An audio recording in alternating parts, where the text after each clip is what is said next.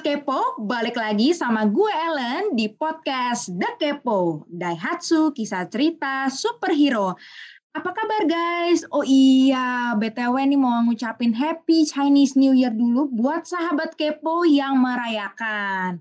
Mudah-mudahan makin mantap, makin sukses, makin rezekinya makin banyak. Nah, seperti biasa, gue hari ini bakal ngobrol lagi bareng superhero Daihatsu dari Karawang. Wah, langsung aja kita panggil Pak Johantri selaku workshop head di Astra Daihatsu. Selamat pagi, Pak. Selamat pagi, Ellen. Selamat pagi Wah. semuanya. Wah, selamat pagi Pak Johantri. Kayak mukanya ini seger banget nih hari ini. Gimana Pak kabarnya Pak hari ini, Pak?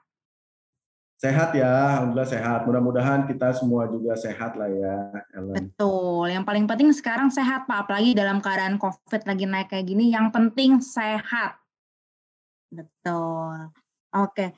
Nah, buat sahabat kepo, kira-kira apa sih yang spesial nih dari kisah Pak Johantri hari ini? Sebelumnya saya mau kasih brief singkat. Kalau beliau ini mengawali karir di Astra Daihatsu sebagai mekanik tapi sekarang ia bisa terus dipromosi sehingga bisa menjadi workshop head atau kepala bengkel yang lebih mudah kali ya buat teman-teman tahu gitu. Nah nanti juga kita akan belajar nih sama Pak Johantri terkait leadership. Nah dari Pak Johantri saya pengen tahu gitu ya bagaimana perjalanan Bapak. Saya pengen tahu dulu dong Pak. Pertama kali terbayang nggak Pak bisa menjadi kepala bengkel atau workshop head di Astra Daihatsu? Oke, baik Ellen. Sebenarnya kalau ngomongin kebayang atau tidaknya saya akan menjadi seorang kepala bengkel, belum kepikiran ya waktu itu. Karena eh, saya itu cuma beringin, berkeinginan gimana caranya saya harus bisa bekerja di Astra gitu. Hmm. Awalnya itu saya mengidam-idamkan sekali tuh yang namanya Astra. Karena yang saya tahu di Astra itu karyawannya sejahtera gitu ya. Karena segala fasilitasnya terjamin gitu ya. Ada apa tunjangan kesehatan gitu kan tunjangan kelahiran kemudian ada nikah aja dikasih gitu kan dijamin gitu kan. Bahkan akhir tahun pun kita dapat bonus gitu kalau di Astra. Makanya saya berkeinginan, bertekad uh, gimana caranya saya bisa bergabung di perusahaan besar itu. Oh. Itu sih Ellen awalnya. Oke, baik. Wah, berarti dari awal memang sudah tahu ya Pak ya tentang Astra dan memang pas dilihat secara benefit, secara karirnya oke, makanya Pak uh, Pak Johantri pengen masuk di Astra gitu ya Pak ya? Ya gitu ya Lan, sepertinya seperti itu.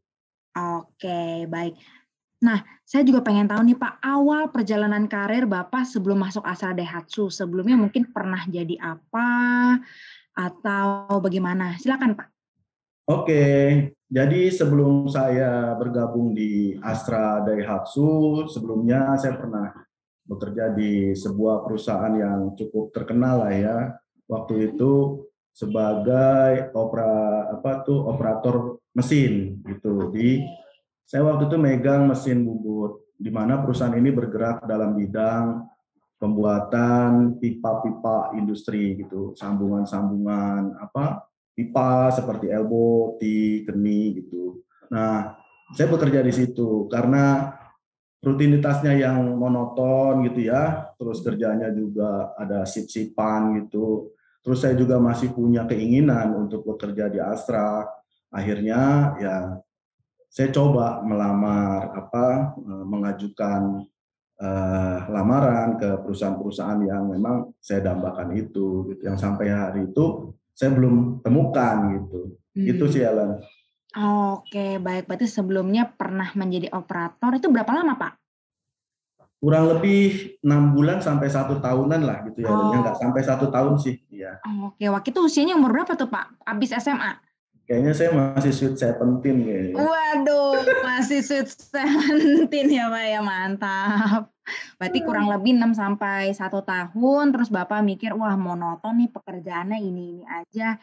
Nah, terus uh, gimana Pak untuk um, awalnya nih Bapak bisa masuk Astra Daihatsu?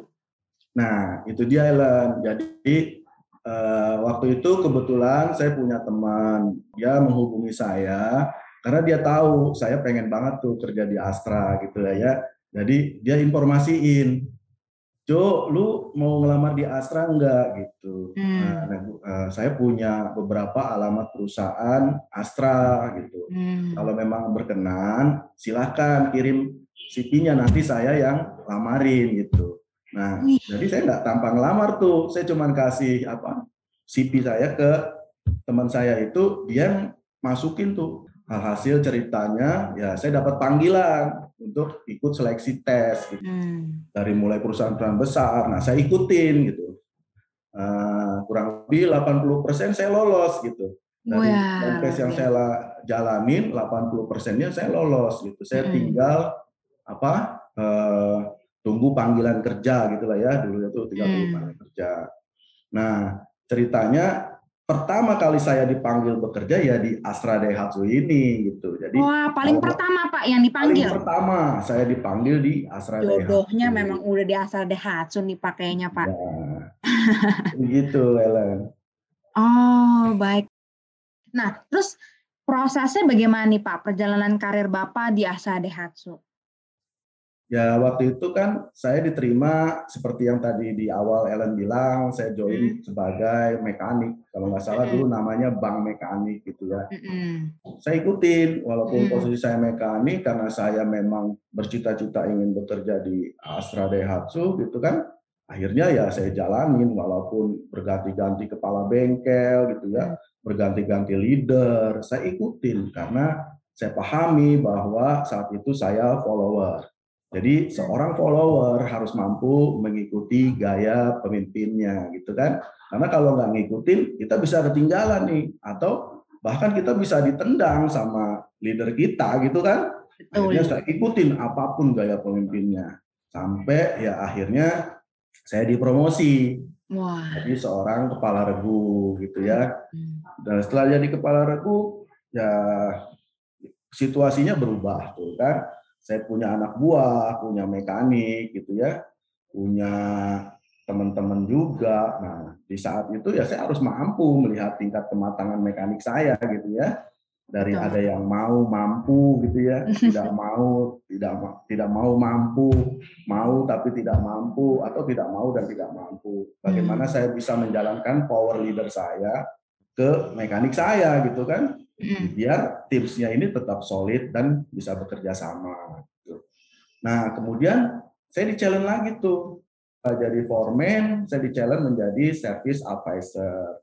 Oh. Apa pun, nah di situ saya selalu menekankan yang namanya partner gitu ya. Gak adalah orang, ya, eh, nggak adalah orang yang nggak ingin berkembang. Semuanya pasti ingin menang, ingin menang. Betul. Ada istilah menang-menang, menang kalah, kalah menang, kalah kalah, kalah kalah gitu ya.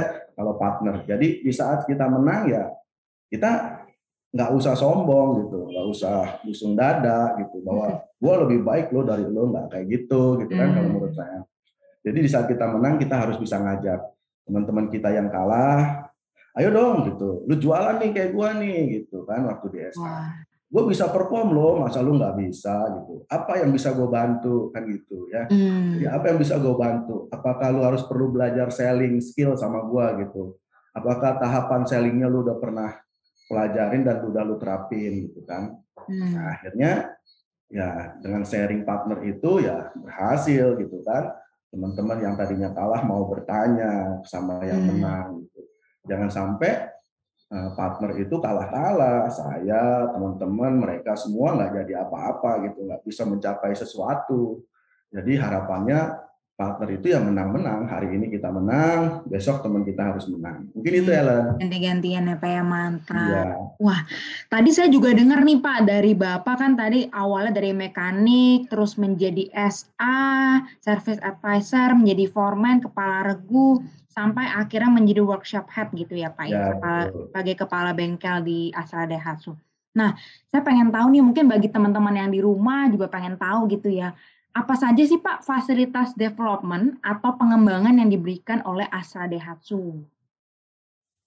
semenjak saya bergabung di Astra Daihatsu dari mekanik aja kita udah di develop sebenarnya. Kita hmm. diberikan training-training teknik gitu ya. Hmm. Ada di tech, ada protek, ada diagnos gitu untuk biar kita lebih kompeten dalam menangani teknikal di lapangan gitu ya. Kemudian untuk hmm. jadi kepala regu pun ya kita diajarin tuh di training yang namanya leadership gitu ya. Yang tadi uh, saya bilang. Terus kita di training Esakaru juga kita diajarin apa tuh selling skill tadi bagaimana kita uh, belajar menjual gitu kan terus kita belajar karakter customer gitu ya. Karakter customer ada yang phlegmatic sanguine gitulah uh, melankolis gitu kan kolerik gitu ya. Jadi yeah. bagaimana caranya kita menjual ke customer biar setiap tingkatan transaksinya itu dibeli gitu kan. Jadi kita tahu dulu nih karakter customernya. Nah kemudian untuk di workshop head sendiri banyak training yang saya dapat gitu ya.